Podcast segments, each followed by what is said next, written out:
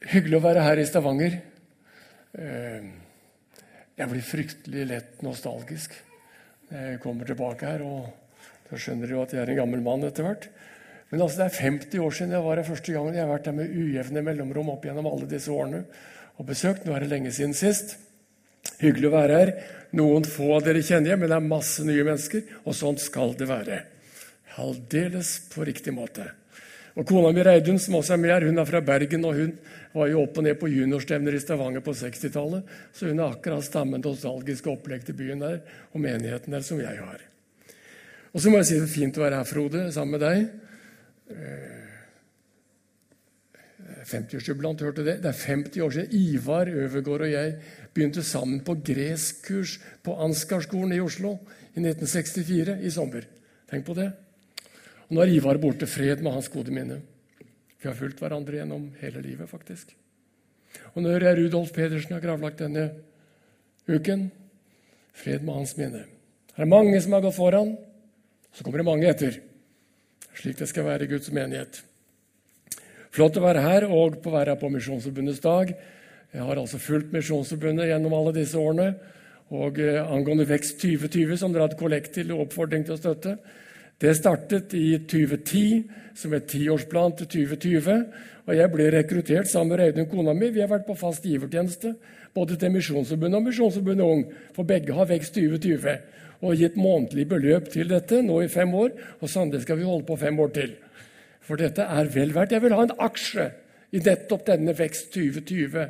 Og vi har ikke blitt fattige av å gi til dette hver måned. Så herved oppfordringen gitt videre til alle dere andre.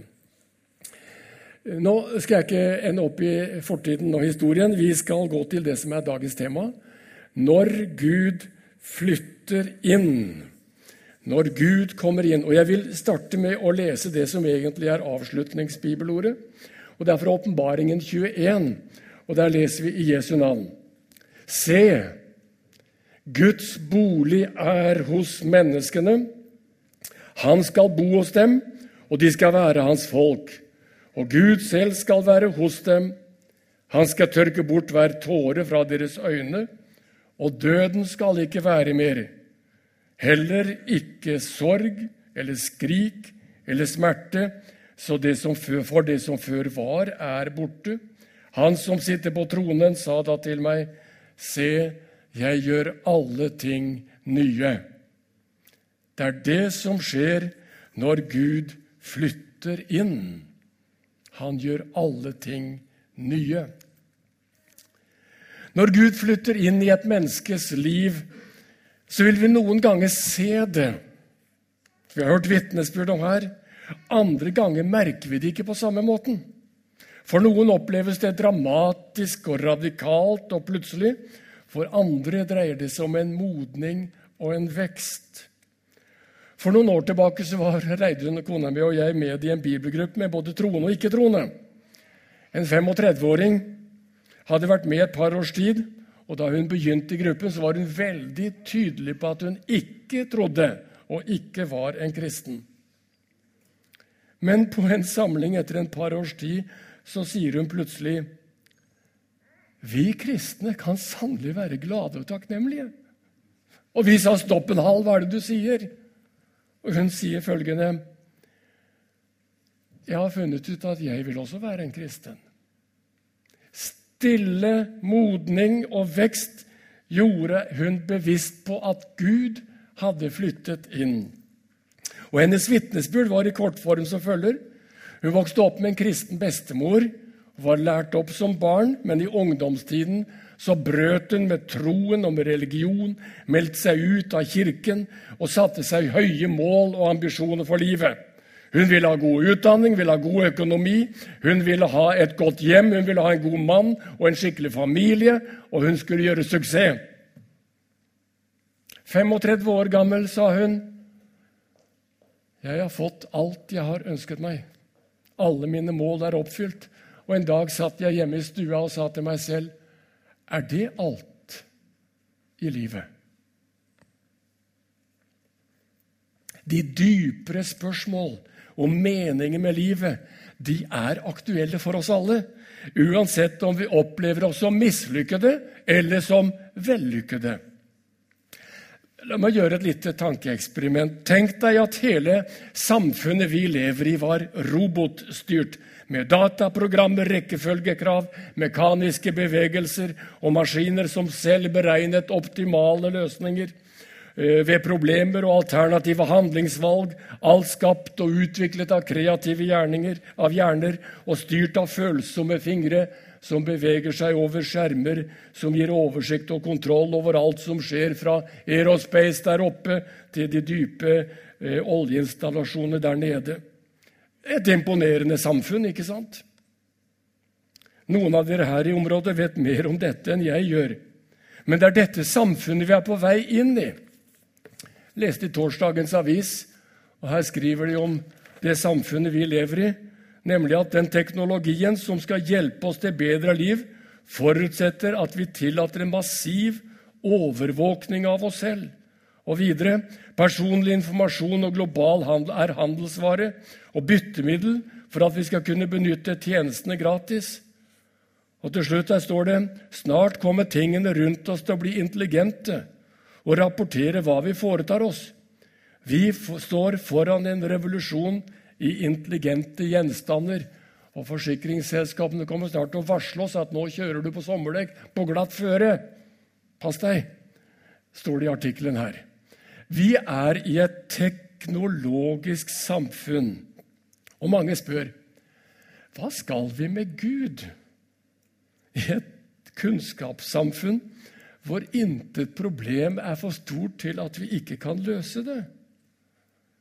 Og I mange tiår har filosofer og politikere ment at all tale om Gud vil dø ut av seg selv, bare vitenskapen og kunnskapen kommer langt nok. Og mange har erklært at Gud er død, fra Nietzsche til vår tids Richard Dawkins med The God Delusion. Og likevel, i dette samfunn så er Gud subjekt i dagens tema og sentrum i gudstjenesten og den som vi lovsynger og lovpriser. Med tema 'Når Gud flytter inn' bekjenner vi at Gud er den aktive, handlende personen i våre liv og i vår verden. Jeg har lyst til å si litt om dette fra en par vinkler. Først om at Gud flytter inn i vår verden. Og fortsatt er det mange som spør finnes Gud virkelig i denne verden. Ateistene hevder at Gud er fraværende og finnes ikke. Astronauten Gagarin skal ha sagt etter sin første tur i rommet i 1961 at han så ikke noen Gud der ute. Mer alvorlig kunne vi spørre hvor er Gud i all lidelsen, i krigen, i terror, i naturkatastrofe? og som dere skal be om og be for neste helg. Hvor er Gud hos de forfulgte kristne i Irak og Syria, som i livet som innsats forlater alt det de har, og mange blir martyrer? Eller hvor er Gud når våre kjære dør, mens vi fortvilet roper om helbredelse? Like fullt vitner Skriften om at Gud er til stede. Han er skaper av alle ting, det synlige så vel som det usynlige. Han er den som var i begynnelsen. Og når Moses spør hva som er Guds navn, og hvem som har sendt ham, så svarer Gud at hans navn er 'Jeg er'. Og Jesus svarer fariseerne og sier på tvers av all grammatikk følgende Før Abraham var, er jeg. Den treenige Gud har skapt alt skjønt og vakkert. Derfor er Gud i verden. Ja, han eier den. Hvert grønt strå, hvert minste molekyl, hver fisk og hvert dyr bærer Guds stempel på en eller annen måte. Og vi mennesker er skapt i Guds bilde. Ateismen er egentlig en ny oppfinnelse. det. Allerede de gamle greske vismenn regnet med Gud. Paulus bekrefter det. Han siterer sågar en av de greske dikterne og vismennene når han taler for grekerne på Areopagos i Aten, og sier For det er i ham vi lever, beveger oss og er til, som også noen av deres diktere sier, sitat, for vi er hans slekt.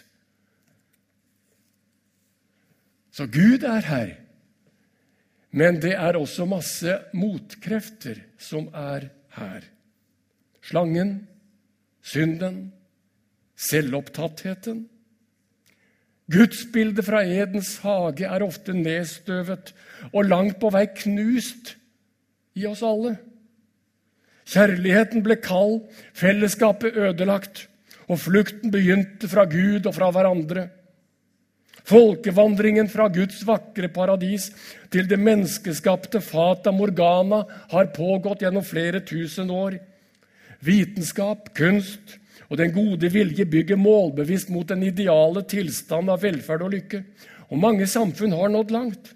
Norge og Rogaland ligger snart øverst på den globale listen over det forjettede land. Inn. For litt over to år siden fikk jeg en e-post e fra en god venn i Hellas. Han var rektor på en skole i Aten, og jeg har kjent han gjennom mange år. og Så skrev han en e-post til meg og sa en av mine kolleger her i Hellas, en pastor som har drevet altså uten lønn i 20 år, han har gitt opp Hellas og økonomien. Han har gått konkurs og, og gitt opp alt. Og nå vil han flytte til Norge og starte på nytt og flytte med seg familien etter hvert. Bjørn Øyvind, kan du hjelpe han? Han lander på Sola flyplass neste fredag kveld, sto det i e-posten. Jeg sendte e-post til deg, blant annet. Og hvorfor? Da han kom, jeg snakket med han ja, Slutten på historien er at vi fikk hjulpet han, og han jobber på Østlandet i dag med hele sin familie. Men jeg spurte da han kom, hvorfor i all verden tok du enveisbillett til Sola? Vet du hva svaret var? Jeg sjekket opp på internett. Norge var landet jeg ville til. Og Rogaland og Stavanger var den delen av Norge hvor det var best arbeidsmarked. Han hadde ikke fått med seg at det også var dyrest der. Så det var jo problemet. Men vi er på toppen, er vi ikke det? Og likevel må vi erkjenne at vår rasjonalitet, kreativitet og livsappetitt ofte bare skaper erstatningsverdier for det tapte paradis. Verken marxismens likhetsidealer humanismens optimisme, vitenskapens landevinninger, kunstens skapende skjønnhet, oljeindustrien eller den virtuelle verden har så langt gitt vårt hjerte fred eller besvart vår dype lengsel etter meningen med livet. Og fortsatt stille spørsmålet hvor mye veier sjelen? Hvor er Gud da i vår modernitet og postmodernitet? Jo, svar Gud er til stede midt i vår verden. Han skapte den, og han har ikke flyttet ut, slik som bl.a. deismen hevder, at han satte det hele i gang siden forlot han skaperverket. Nei, Gud er midt iblant oss, ofte skjult, men likevel er han til stede. Kanskje Gud trekker seg tilbake for en tid. Eller mer sannsynlig at min forståelse av Gud er begrenset, og at våre øyne er blinde. Skjønner professortitler, topp moderne hjem og velfungerende samfunn kan fortsatt kombineres med åndelig blindhet og sosial analfabetisme. Det lar seg godt kombinere. Hvorfor griper ikke Gud inn og stopper ondskapen hvis han er allmektig og kjærlig? Mitt enkle svar på dette dilemmaet er at Gud skapte oss ikke som roboter. De fleste teologer vil tenke at Gud bevisst har begrenset sin allmakt, i alle fall i perioder. Kanskje for å vise oss noen andre verdier. Gud gav oss en frihet, en fri vilje, som ikke er fjernstyrt fra himmelen, heller ikke skjebnestyrt. Vi er skapt av kjøtt og blod med behov for mer enn vann og brød for å finne et meningsfylt liv. Vi er sårbare skapninger som kan gledes, men som også kan såres. Som opplever nød, og vi opplever lykke. Vi lengter etter ømhet, nærhet, varme og trygghet. Det er jo de basale livsverdier som knytter til det å være menneske, men som ofte er kritisk mangelvare i vår teknifiserte verden. Hør, roboter er ikke opptatt av relasjoner. Men det er du og jeg, og det er Gud. Den treenige Gud er ikke matematikkens Gud, men relasjonenes Gud. Den kristne tros Gud er at Kirken har forstått Gud som Fader, Sønn og Hellig Ånd, treenigheten. Og Det er ikke et matematisk utfordring. Det er en relasjonell lærdom i det. Treenighetslæren sier noe om Guds vesen. Og det blir ikke vedtatt av keiseren i Nikea i 325, slik mange Bl.a. Arne Garborg i sine bondestudenter harselerte med for snart 150 år siden. For det gjør han der. Treenigheten er ikke vedtatt av keiseren. Treenigheten er et forsøk på å forstå noe av dybdene i Gud, i hvis bilde vi alle er skapt. Jeg hørte en romerske kardinal, Walter Kaspar. Han talte på Menighetsfakultetets 100-årsjubileum for noen år siden. Og jeg siterer fra hans tale. Treenigheten, sier han, kan bare forstås i lys av kjærligheten. Kjærligheten innebærer å bli ett med en annen, slik at begge opplever kjærlighetens ultimate oppfyllelse, samtidig som de begge beholder sin egen identitet. Kjærlighet betyr å være ett med, samtidig som den bekrefter den andres annerledeshet. Men kjærligheten har ikke sitt mål i en intim tosomhet. Kjærligheten overskrider begges grenser og forenes i en tredje felles størrelse som også representerer og realiserer kjærligheten fullt ut. Fikk du tak i det? Treenigheten, hvor relasjonene er optimale i kjærlighet, med frihet og med respekt, og får lov til å være seg selv, hvor det er gjensidig bekreftelse, og hvor det er en guddommelig treenighet med gjensidig frihet og respekt for andres identitet, samtidig som Guds kjærlighet binder treenigheten sammen i en skapende og livgivende prosess. Gud er relasjonenes Gud. Vi ser også at Kaspars beskrivelse av treenigheten i Gud har sitt klare motbilde i det ideelle ekteskap, slik Paulus også hinter til i Efeserbrevet 5. Hvor ektemann, hustru og barn lever sammen i en optimal, kjærlighetsfull relasjon. Hvor vi bekreftes, og hvor vi optimalt opplever fellesskapet. Og Da skjønner vi kanskje også ane litt av hva det betyr at hver enkelt av oss er skapt i Guds bilde. Til å leve ut relasjoner som avspeiler treenigheten i hverdagen. Ikke som teknifiserte roboter, men med selvstendig identitet, med frihet og behov av og mulighet for å gå inn i skapende relasjoner, som bestemmes av frihet, selvstendighet og kjærlighet, og hør hvor summen av fellesskapet i hjem og i menighet utgjør langt mer enn den optimale selvrealisering. Det er det bildet vi er skapt i. Og når Gud flytter inn, så vil han at dette skal virkelighet i vår hverdag, i våre liv. Jesus kom til jord som kjøtt og blod. Inkarnasjonen, at Jesus ble født julaften, tar sikte på å erobre det sårbare mennesket og gjenopprette det tapte paradis. For å skape et sterkt brohode for Guds rike på jord.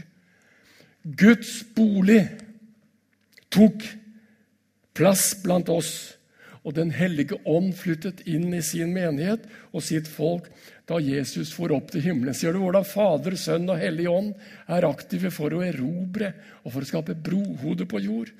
Gud har flyttet inn hos oss ved sin ånd. Hvorfor det? Jo, for å gjenopprette det knuste gudsbildet. For at vi skulle gjøre det som Jesus gjorde på jord. Menigheten ble etablert for at vi skulle gjøre Jesus nærværende også etter hans himmelfart. Hver lokalmenighet er kalt til å gjøre Jesus synlig i verden i dag, slik Jesus gjorde Guds rike synlig i Palestina. Lokalt og globalt. Derfor er Stavanger misjonsmenighet her. Derfor er Misjonsforbundet til. Derfor er denne dagen planlagt. Derfor står vi sammen i et verdensomfattende kjempeoppdrag om at Guds vilje på nytt skal virkeliggjøres, ikke bare i himmelen, men også på jorden for å rope det ut til alle. Gud er fortsatt til stede i verden, og han har en global plan for å skape forsoning og kjærlighet for alle folk. Det ødelagte gudsbildet skal gjenopprettes, relasjoner styrkes og kjærligheten på nytt varme, kalde, frosne og ensomme mennesker.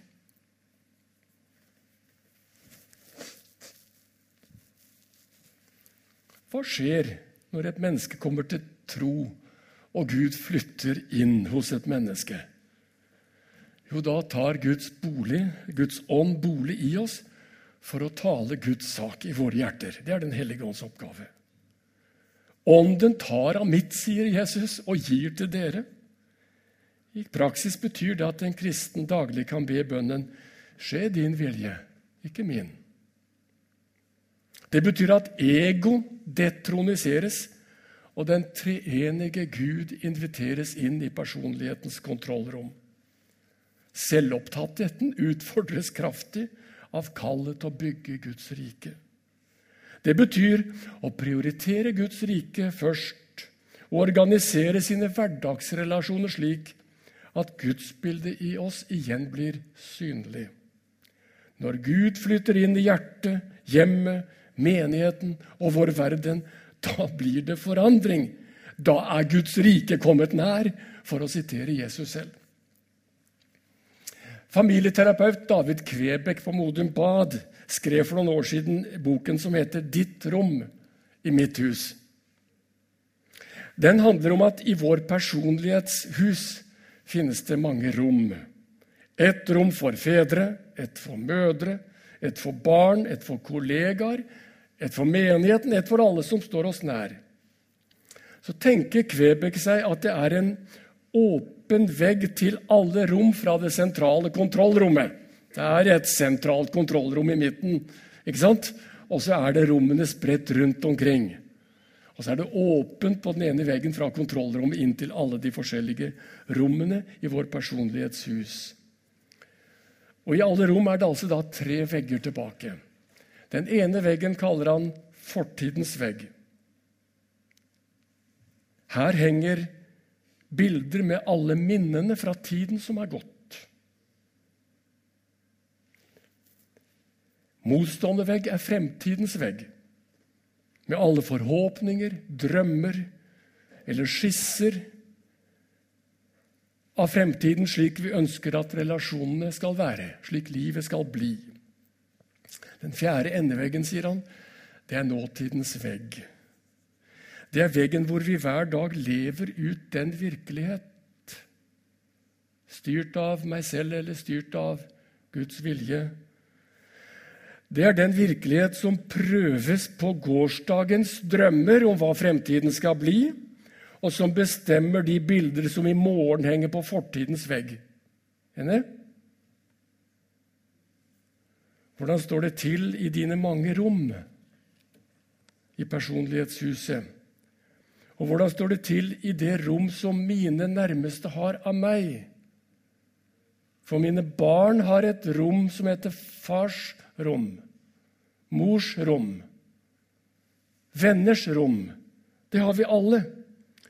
Og vi fedre kan spørre oss hvordan det ser ut i fars rom, i våre barns hus. Hvilke bilder henger på fortidens vegg? Eller hvordan ser det ut i mødres rom i barnas hus? Er det behov for forsoning? Oppgjør? Menigheten har et rom i din personlighetshus. Hvordan ser det rommet ut i ditt liv? Kan drømmene fortsatt virkeliggjøres? Er det synlig for omgivelsene at Gud har kontrollen fordi han har flyttet inn i din personlighetshus? Eller styres relasjonene til andre fortsatt av egoisme, materialisme, selvopptatthet og ærekjærhet? Hva er det som bestemmer dine og mine hverdagslige valg? Er det begjæring etter ting, nytelse og egne behov som styrer mine mange valg gjennom uken?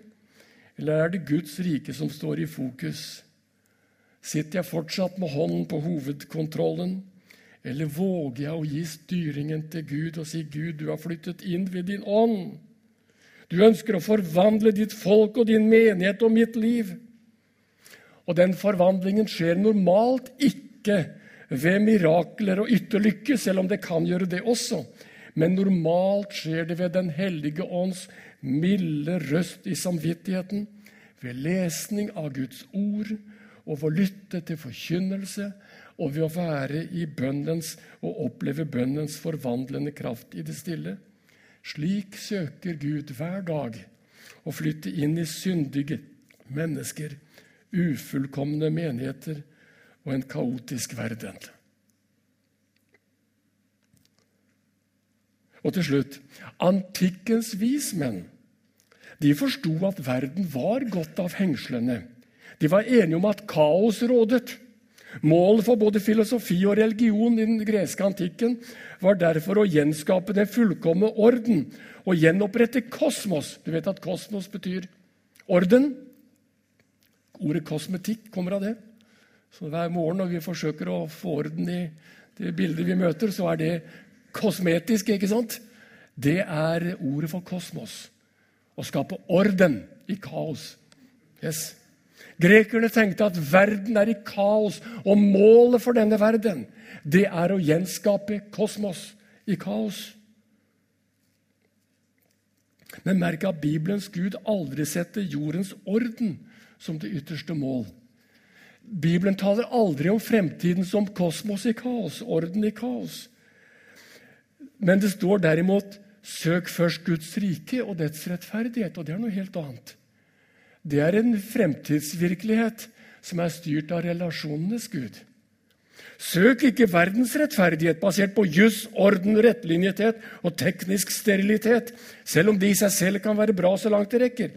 Men Guds mål er at vi skal søke de relasjonelle verdier, hvor respekt, trygghet og varme rår, der tårene er borte, Skrik og urett er borte. Ja, døden er beseiret en gang for alle. Når Guds rike kommer, i kraft og i herlighet, staden der Gud bor for evig, det er vårt mål. En ny himmel, en ny jord, hvor alle ting blir nye. Og den dagen, venner, den kommer. Vi er på vei dit, fordi Gud har lovet at Guds bolig er hos menneskene. Han skal bo hos oss, og vi skal være hans folk. Og Gud selv skal være hos oss når Gud har flyttet skikkelig inn i mennesker, i denne verden, når dagen kommer. Og så Underveis så holder vi på med flytteprosessen, alle sammen. Og vi sier, 'Ja, Herre, kom og fyll meg helt', skal vi be sammen. Herre, du vet at vi er så ofte opptatt av vårt eget. Vi bekjenner selvopptatthet og ber deg, Herre, tilgi oss for brutte relasjoner. Kom, du, relasjonens Gud, Fader, Sønn og Hellig Ånd, og leg oss. Oppreis oss og fyll oss. Og jeg ber, la Stavanger misjonsmenighet være en slik menighet som Gjør deg synlig i vår tid. Amen.